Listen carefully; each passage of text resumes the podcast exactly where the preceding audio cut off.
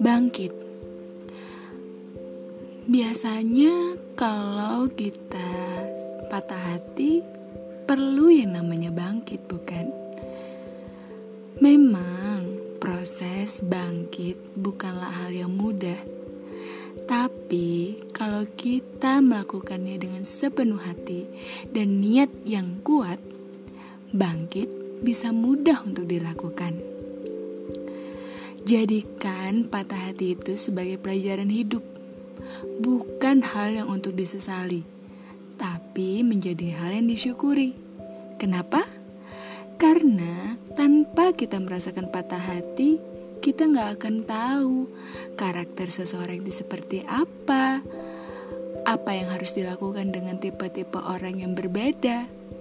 Jadi, jangan pernah merasa sedih atau minder karena patah hati. Karena jodoh itu sudah ada yang mengatur. Gak perlu kita merasa minder karena sekarang jomblo gara-gara patah hati. ya udah, udahin aja patah hatinya. Udahin aja keluh kesahnya. Sekarang saatnya kita bangkit.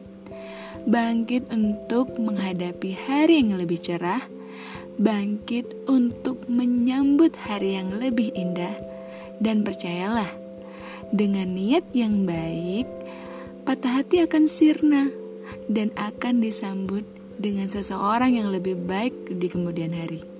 Jadi, stop yuk. Patah hatinya. Cukup menangisnya dan sudahi air matamu.